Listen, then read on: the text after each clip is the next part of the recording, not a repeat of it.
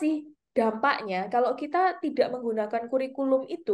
Ya, kalau dampaknya ya sama aja ya kayak tadi uh, traveling gitu ya. Hmm, Itu hmm, kan hmm. jadi nggak jelas ya mau ke mana gitu kan. Ah, Kalau traveling itu kan masih agak mending ketika kita nggak jelas ke arah mana karena itu sifatnya fun hmm, hmm, hmm, hmm, gitu ya. hmm, Se uh, worst skenario-nya itu kan paling kita kesasar gitu ya. hmm, hmm, hmm, gitu kan. Terus tapi kan kita tetap suasananya fun gitu ya. Tapi kan nggak lucu ya kalau ini corporate kemudian kesasar gitu. Terus gimana?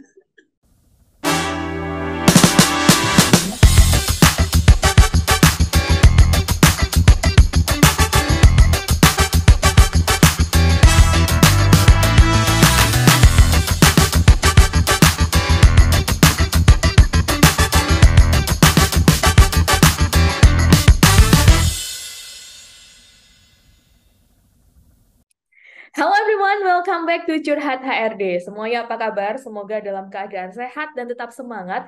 Apalagi mungkin pasca-pasca libur lebaran, aduh kayaknya badan ini jadi susah digerakin ya. Kemarin liburnya happy-happy gitu. Tapi tenang aja, kita kembali ke podcast Curhat HRD bersama saya Marcel. Uh, podcast Curhat HRD adalah podcast dari Sinergia Konsultan yang merupakan bagian dari Sinergia Group Indonesia. Nah, khususnya di bulan April karena kita sudah menginjak uh, eh Mei ding ya bukan April lagi gitu. Wah ini benar-benar kebawa liburan gitu. Uh, kayaknya memang libur Lebaran membuat otak saya menjadi agak freeze.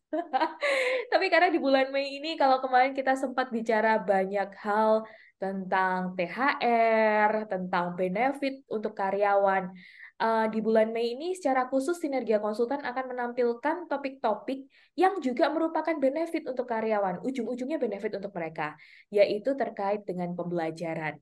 Namun lebih lengkapnya kita selama bulan Mei ini akan membahas tentang kurikulum dari pembelajaran itu sendiri.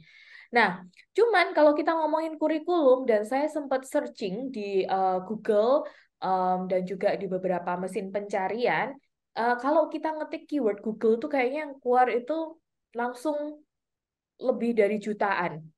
Surprise kan? Jutaan loh jumlahnya. Saya mikir, kenapa ya kok uh, kurikulum ini sangat banyak dicari gitu. Tapi ketika saya berpikir lebih mendalam, menganalisa, iya ya, yang tugasnya buat kurikulum ini kan bukan cuman perusahaan nih, tapi sekolah dari jenjang mungkin uh, PAUD sampai dengan bahkan perkuliahan ini juga ada kurikulumnya. That's why mungkin banyak sekali dunia pendidikan juga yang mencari-cari tentang kurikulum, terutama kalau teman-teman mungkin dengar, oh ya sekarang kurikulum pembelajarannya menurut Menteri Pendidikan itu juga baru yang disebut sebagai kurikulum merdeka. Nah, tapi kita tidak akan membahas tentang kurikulum merdeka, kita tidak akan membahas kurikulum di pendidikan, tapi secara khusus kita akan membahas basicnya kurikulum sendiri, kenapa sih harus ada. Dan nanti ujung-ujungnya teman-teman bisa melihat, oh ini loh kenapa di perusahaan finally kita harus punya kurikulum untuk people development kita, untuk mengembangkan karyawan-karyawan. Nah, saya pastinya tidak sendiri, ya kan? Kalau saya sendiri ngomongnya nanti saya ngaco kayak tadi ya, karena otak saya freeze setelah libur lebaran. Uh, pastinya saya akan mengajak uh, seseorang yang sangat punya passion di dunia pendidikan dan family, gitu ini adalah bagian uh, salah satu bagian dari sinergia grup Indonesia yang mungkin jarang sekali terekspos di sinergia konsultan gitu. Karena memang hubungannya sama anak-anak sama bapak ibu guru sama family. Tapi wah satu ibu ini memang sudah jadi ibunya sinergia grup Indonesia ya jadi mamahnya kita semua. Saya sapa dulu ya. Uh, halo ibu Mariati apa kabar Halo Marcel, kabar baik, kabar sehat. Nah, Masih kan? awal liburan juga. awal liburan kan gitu. Jadi ya makanya tadi semoga uh, ini Ibu Mariati saya panggilnya C Mariati ya teman-teman. Um, nggak freeze juga ya C otaknya kayak saya ya agak agak lemot-lemot dikit gitu. Aman ya. Aman, Um, aman. gimana C aktivitasnya akhir-akhir ini di Sinergia Development Center? Akhir-akhir ini, ya banyak berkutat masalah di sekolah gitu ya. Karena ini kan lagi uh, rame-ramenya kurikulum merdeka, Hmm. lalu kemudian bagaimana dari uh, kementerian itu sebenarnya memberikan keleluasaan untuk sekolah-sekolah menyusun kurikulum uh, kas sekolah masing-masing. Nah, ini yang Hmm. jadi tantangan gitu ya. Karena sekian puluh tahun yang lalu itu semua disetting dari uh, kementerian gitu ya. Uh, sekolah hanya tinggal mengikuti, sedangkan sekarang sebenarnya sekolah diberikan keleluasaan untuk membuat kurikulum sendiri. Ah, ini seru ya. Semakin diberi keleluasaan itu tadi, ternyata orang-orang semakin bingung. Betul. Dibebaskan malah jadi bingung ya. Malah jadi bingung. Ini sama cek kayak di corporate-corporate gitu kan. Uh, karena kita tidak punya satu panduan yang pasti, kurikulum pembelajaran di corporate itu harus seperti apa. Malah bingung gimana harus membuat kurikulum. Nah, um, dirimu udah berapa lama ya jadi dunia pendidikan ya? Uh, dulu di institusi pendidikan tuh sekitar 16 tahun.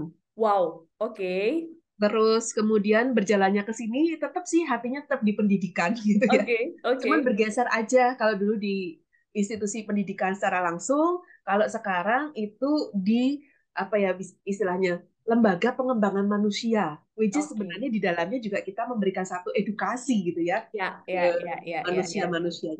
Oke, oke, oke. Kayaknya kalau in total 20 tahun lebih? Iya. Jangan keras-keras okay. ketahuan oh, umur. ketahuan usianya, mohon maaf ya. Ini semua nanti pada berhitung. Wah iya ternyata usianya sekian lah gitu. Uh, tapi ini yang menarik buat aku sih sebenarnya ketika kita benar-benar mendalami dan mengetahui sebenarnya apa passion kita di dunia pembelajaran dan pendidikan. Nah ini jadi satu jalur semuanya. Dan di Sinergia Development Center, kalau boleh sharing sedikit untuk teman-teman yang belum tahu, uh, Bu Mariati bersama tim juga mengembangkan program-program yang untuk membantu anak-anak, terutama di usia teenager saja ya, SMA, Betul. perkuliahan gitu. Dan itu ada kurikulumnya juga. Ada kurikulumnya juga untuk membantu anak-anak itu punya karir yang lebih baik di masa depan gitu. Betul. supaya bisa diterima oleh teman-teman HRD yang lagi dengerin ini podcast ini sekarang. Itu. Jadi udah disiapin Jadi, ya sejak disiapin. Jadi sinergi development center itu justru menyiapkan anak-anak uh, untuk mencapai uh, karir yang mereka impikan saat ini gitu. Nah ngomong-ngomong nih ceh soal pembelajaran dan kurikulum gitu. Banyak sekali yang aku lihat uh, HR atau bahkan business owner gitu ya ikut-ikut terjebak bagaimana institusi pendidikan itu membuat satu kurikulum gitu. Um, akhirnya mereka ujung-ujungnya ya udah deh nggak kepingin punya kurikulum yang jelimet-jelimet gitu ya yang susah-susah. Uh, akhirnya ya udah sekedar ikut training sekedar ikut sertifikasi. Terus cuman kadang itu ikut training atau sertifikasi kalau kami tanya nih karena kalau sinergia kan provide beberapa training Kenapa mau join? Ya kayaknya ini judulnya menarik deh. Gak tahu isinya apa, tapi karena judulnya menarik, ya kan dia ikut nih, luar biasa. Semoga bukan anda yang mendengarkan ya. Dan bahkan itu uh, sering kali terlepas dari tujuan pembelajarnya itu sendiri, gitu. Maka uh, kali ini kepengen tanya-tanya nih sama Cece Mariati terkait hal yang mendasar. Apa sih yang sebenarnya perlu kita perhatikan sebelum membuat bahan pembelajaran um, apa saja yang menjadi acuan yang memang ya kita perlu notice hal itu. Oke. Oke. Okay. Um, sebelum aku jawab itu ya, uh, hmm. aku mau tadi meng-highlight nih tadi waktu Marcel bilang uh, ikut pokoknya judulnya menarik aja gitu ya. Hmm. Terus pokoknya uh, mereka berlomba-lomba ikut. Uh, satu sisi ada baiknya masih punya minat untuk belajar gitu kan. Oh, iya. Nah, Benar, daripada nggak sama sekali gitu kan. Ya, ya, ya. Nggak menarik, nggak menarik, semua nggak menarik gitu ya. Hmm. Tapi sebenarnya uh, sudah ada intensi untuk belajar itu adalah hal yang positif. Hmm. Tinggal diarahkan, dikerucutkan ke mana. Nah ini nih ada acuan-acuan pembelajaran sebaiknya seperti apa gitu. Hmm. Nah uh, kalau dikatakan tadi ikut berbagai training yang kayaknya menarik hati, kaitannya dengan judul nggak salah juga gitu ya. Tapi yang perlu kita ingat sebenarnya apa sih yang mau kita tuju? Tadi kan tadi uh, Marcel juga bilang bahwa uh, tujuan pembelajaran itu penting. Nah itu yang sebenarnya kita memang harus tahu di awal tujuannya mau ngapain dulu. Hmm. Nah, kalau di uh, corporate itu kan udah ada tuh visi misi values-nya. Nah, itu kan sebenarnya jadi ada, kalau ya. yang ada. kalau yang ada. kalau yang belum ada terus gimana? Nanti kita bisa telepon-telepon lebih lanjut ya, gitu. kalau yang belum ada silahkan kontak ke Sinergia Group Indonesia untuk thank dibantu. You, thank you. gitu. Nah, uh, kalau kita udah ada uh, visi misi values itu kan sebenarnya sudah clear tuh arahnya mau ke mana hmm. gitu. Nah, tinggal dari corporate ini menghidupi atau enggak karena ini sebenarnya menjadi arah tujuan. Nah, hmm. visi misi values itu menjadi hal yang utama untuk memang jadi acuan pembelajaran. Hmm. Kita kepengen uh, apa ya SDM kita itu jadi seperti apa sih? Kita hmm. kepengen korporasi kita itu ke depan uh, punya masa depan yang seperti apa? That's why SDM-nya perlu dibekalin apa? Hmm. Jadi nggak cuma sekedar lagi tren nih. Sekarang lagi tren apa nih? Belajar digital marketing. Nah, atau digital leadership kan lagi uh, oh iya iya iya. semuanya ke situ semua gitu kan. Uh, uh, terus uh, uh, gitu buat apa? Nggak tahu juga gitu kan. Uh, uh, uh, terus kemudian setelah ikut uh, training nggak dipakai juga gitu. Uh, tapi uh, kayak latah ya hanya ikut sekedar uh, sekedar ikut tren gitu. Tapi nggak tahu sebenarnya yang mau dituju oleh korporasi itu seperti apa. Nah okay. jadi yang perlu dipersiapkan uh, dulu yang pertama itu memang balik lagi ke objektifnya. Tujuan hmm. akhirnya seperti apa kan kayak di Seven Habit ya hmm. uh, dikatakan uh, bikin with the end of mind gitu. Nah hmm. itu kita perlu tahu dulu ujungnya itu kita mau seperti apa. Hmm. Dari situ kita bisa menentukan topik-topik apa ya yang relevan untuk dipelajari untuk menuju ke objektif. Di breakdown lagi ya, C. Uh, uh, benar. Oke, oke, oke, oke.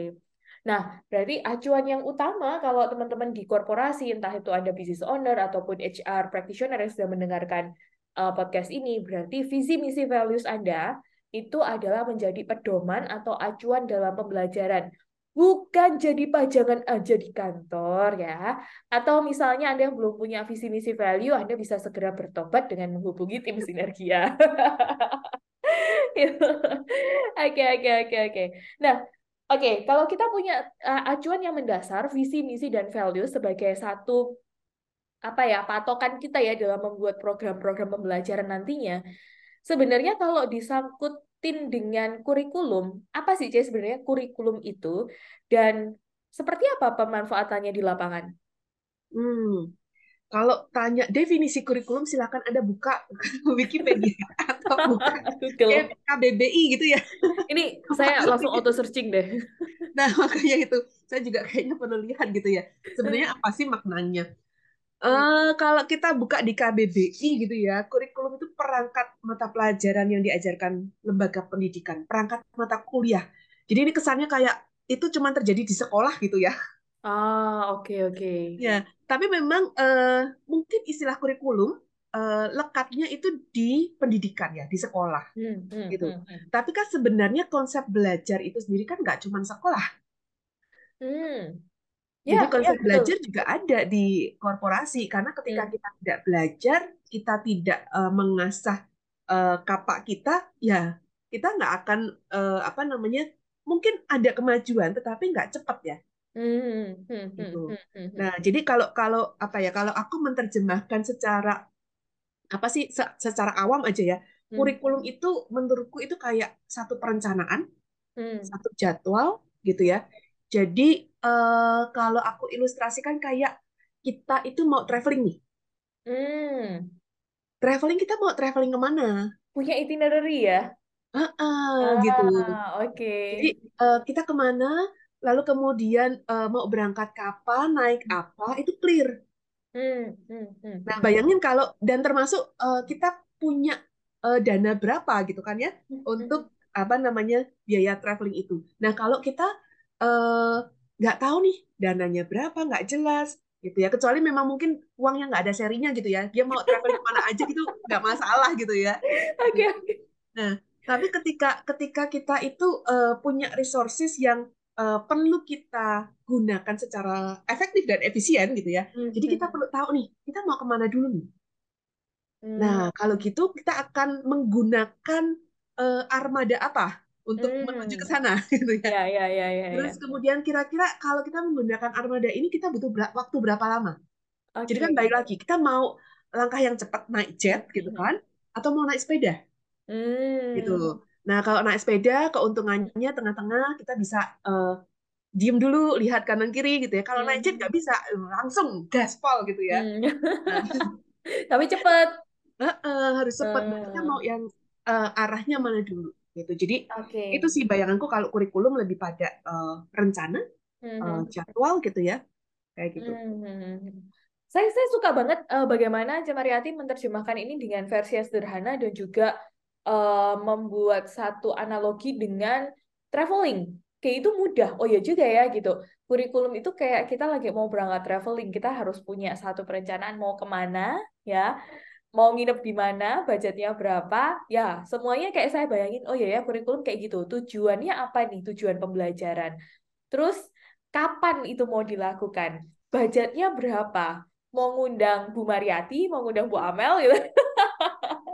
atau mau ngundang siapa nih gitu ya jadi ah oke okay. ini ini jadi satu hal yang sangat mudah untuk uh, teman-teman untuk business owner mungkin yang bertanya-tanya kenapa sih Marcel harus buat kurikulum training-training aja uh, oke okay, training-training aja betul cuman mau diarahkan ke mana budget yang anda mau spend berapa atau memang tadi duitnya nggak berseri boleh kasih tahu sinergi ya tapi okay. bisa setting kan ya bisa bisa di setting oke okay. Uh, C. Mariati, kalau kita ngomongin tadi pembelajaran dan kurikulum itu menjadi satu panduan ya, kalau aku bilang panduan perencanaan terkait dengan mau belajar apa dan bagaimana caranya, apa sih dampaknya kalau kita tidak menggunakan kurikulum itu, gitu. Kalau aja kayak tadi aku bilang, ya udah ikut-ikut training aja gitu, nggak usah pakai kurikulum-kurikulum. Nah, ini dampaknya seperti apa nih? Ya, kalau dampaknya ya sama aja ya kayak tadi uh, traveling gitu ya. Hmm, itu kan hmm. jadi nggak jelas ya mau ke mana gitu kan. Oh. Kalau traveling itu kan masih agak mending ketika kita nggak jelas ke arah mana karena itu sifatnya fun. Hmm, hmm, hmm, hmm. Gitu ya. Se uh, worst skenario nya itu kan paling kita kesasar gitu ya. Hmm, hmm, hmm, gitu kan. Terus tapi kan kita tetap suasananya fun gitu ya. Tapi kan nggak lucu ya kalau ini corporate kemudian kesasar gitu. Terus gimana? Iya juga ya, bener juga gitu.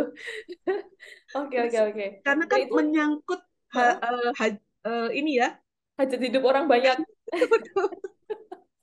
Terus iya gimana juga kesasar ya. Ah oke, okay. mungkin mungkin hal ini yang terjadi juga di um, apa namanya pekerja silenial. Kalau uh, Cece Mariati banyak sekali apa connect dengan teman-teman yang milenial, silenial. Ketika dia ditanya interview mau kerja pertama, oh iya karena value-nya cocok. Ketika value-nya mereka udah masuk di satu perusahaan atau corporate, value-nya pas sama dia. Tapi ternyata value-nya nggak diterapkan dalam kurikulum-kurikulum itu, dalam program-program pembelajaran. Iya, jadi wajar kalau itu mereka resign gitu ya, C. Hmm, gitu. Betul, karena apa yang mereka harapkan ya di awal hmm. itu ternyata hmm. tidak terjadi di, di realitanya. Hmm. Itu hanya hmm. ideal versionnya aja. Oke, oke, oke, oke.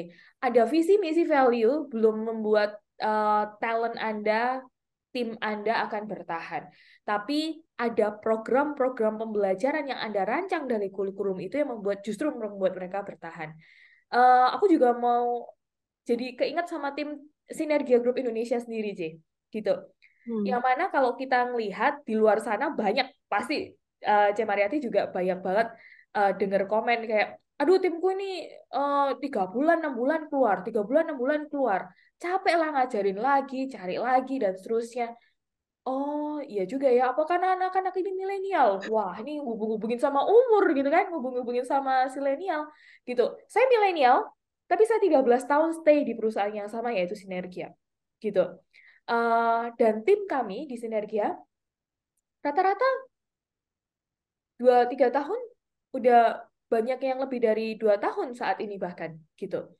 Uh, dan menurut saya itu bukan hanya soal visi misi values, tapi saya setuju itu bagian dari program pengembangan, program pembelajaran yang terus continue gitu.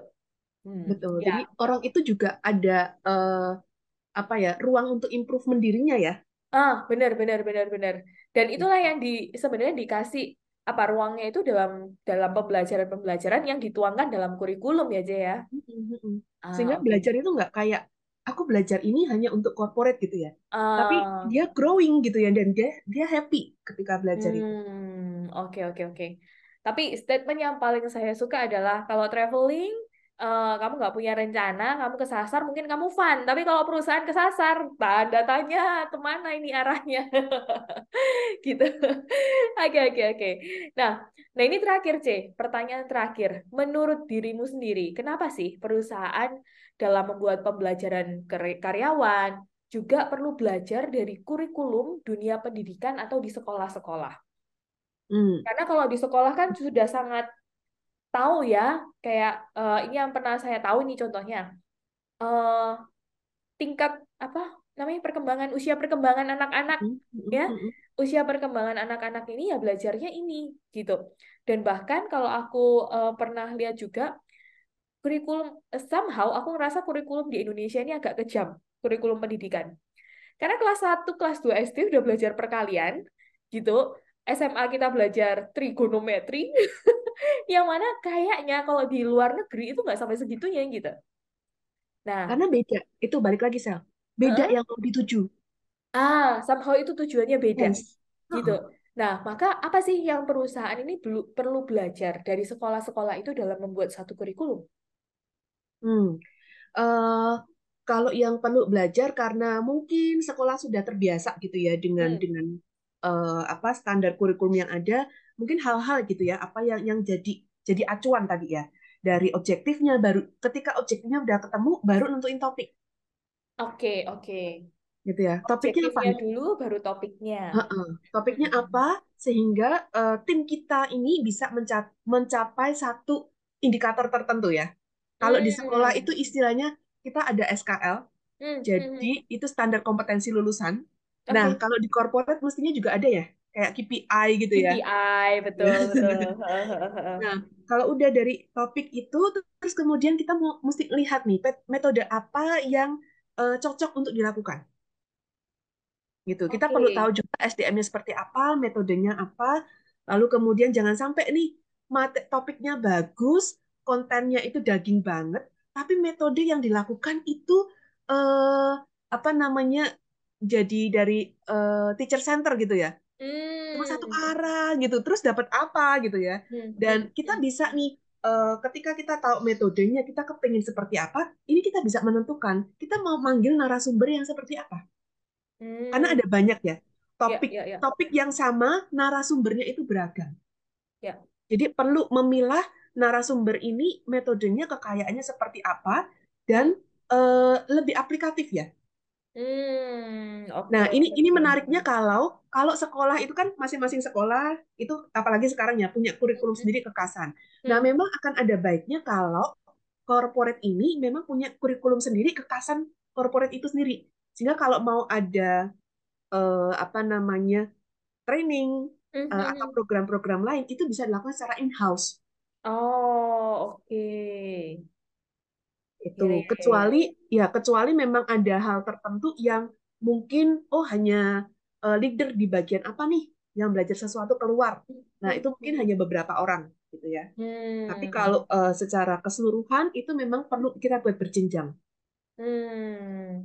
itu oh, lalu ke okay. kemudian dari situ juga uh, kita bisa lihat sumber-sumber belajarnya seperti apa dan hmm. jangan lupa di bagian akhir itu kita hmm. perlu ada uh, satu apa ya assessment ya mm-hmm. penilaian jadi penilaian. udah tercapai belum sih hmm. yang yang jadi tujuan itu gitu jangan sampai kemudian udah belajar belajar belajar belajar uh, kemudian sekian tahun saya sudah training kan A sudah kasih training B tapi kok nggak ada hasil ya karena itu sering kali juga Bener. terjadi Iya, iya, iya, iya, iya, ya. Gitu. Betul, betul, betul. Sudah sekian tahun yang lalu gitu. Nah, karena tidak pernah diukur setelah ah. selesai itu kita mesti ukur nih. Hmm. Itu okay. sehingga tetap tetap uh, berkembang ya. Oke. Okay. Ya ya ya, saya saya bayangin kalau di sekolah ukurannya adalah kamu naik kelas atau enggak. Iya bener gitu. Kalau di perusahaan ada orang yang kayak uh, 11 tahun, 25 tahun ada di situ. Nggak ngerti naik kelas atau enggak, ya stuck gitu aja gitu. Ah bener, kita harus belajar banget dari dunia pendidikan. Bagaimana mereka menentukan objektif, menentukan topik pembelajaran, lalu uh, juga tadi menentukan metode-metode siapa yang perlu kita undang sebagai pembicara, sehingga itu mengakomodir tujuan dan metode yang kita inginkan Dan jangan lupa bahwa setiap corporate itu punya kekasan pembelajaran. Jadi, nah ini buat business owner sama HR yang sering tanya, loh kan Bu Marcel kemarin sudah pegang perusahaan X, boleh dong kita contoh uh, kurikulum pembelajarannya? Tidak hmm. bisa ya. Tidak sama. Karena tidak sama ya. Setiap corporate itu punya kekasannya pembelajarannya sendiri-sendiri dan punya sumber belajarnya sendiri-sendiri. Jangan lupa, setiap kali menyelesaikan satu pembelajaran, untuk diukur bahwa itu nanti mungkin hubungannya dengan performance appraisal, dengan assessment, bagaimana seseorang bisa uh, meningkatkan karir ya dari satu jenjang ke jenjang yang lainnya. Kayaknya udah komplit, C. Mariati. Ini ngobrol tentang kurikulum pembelajaran ya uh, tentang bagaimana kita bisa juga mencontoh dunia pendidikan sehingga kita bisa menerapkan itu di dalam perusahaan.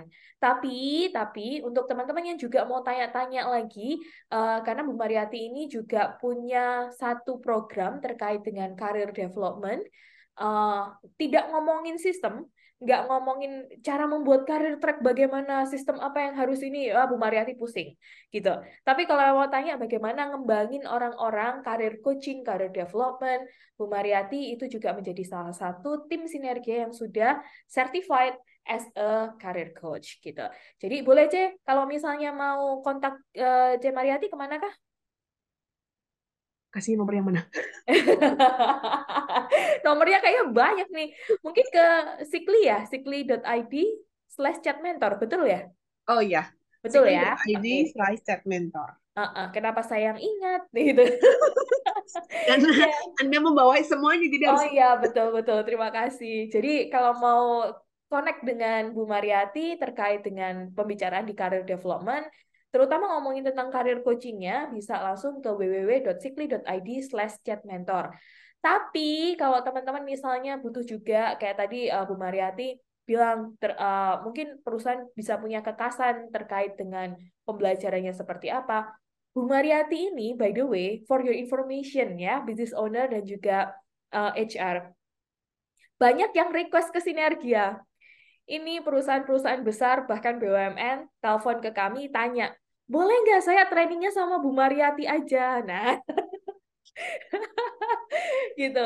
Ya boleh sih kalau waktunya Bu Mariati pas gitu. Nah, tenang aja kalau misalnya teman-teman juga ngerasa pas uh, ngobrol dengan Bu Mariati dan juga mau training bersama dengan timnya, silakan langsung hubungi tim Sinergia di sinergiakonsultan.com slash kontak kami karena di sana teman-teman akan meng akan mengarahkan teman-teman Sinergia akan mengarahkan kebutuhan belajarnya seperti apa sih gitu sehingga kita juga bisa saling berkolaborasi menciptakan pembelajaran-pembelajaran transformatif untuk perusahaan Anda. Thank you so much C Mariati yang sudah sharing dalam podcast Curhat HRD hari ini. Sama-sama.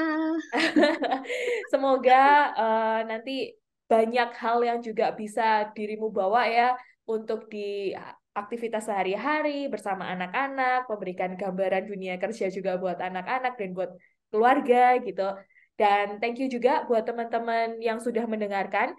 Dan saya sarankan untuk teman-teman yang merasa podcast ini bermanfaat, entah untuk tim Anda, entah untuk bos Anda, entah untuk keluarga Anda, silakan please do share karena podcast ini sudah ada di Spotify, Google Podcast, dan Apple Podcast. So, good luck semuanya. Tetap menjaga keamanan dan kenyamanan, tetap sehat karena kayaknya ada beberapa isu varian virus muncul kembali. Tapi saya pengen ngingetin tetap stay safe, stay productive, and keep fighting on your good fight. Thank you, Cemar. Bye-bye. Bye-bye. Thank you.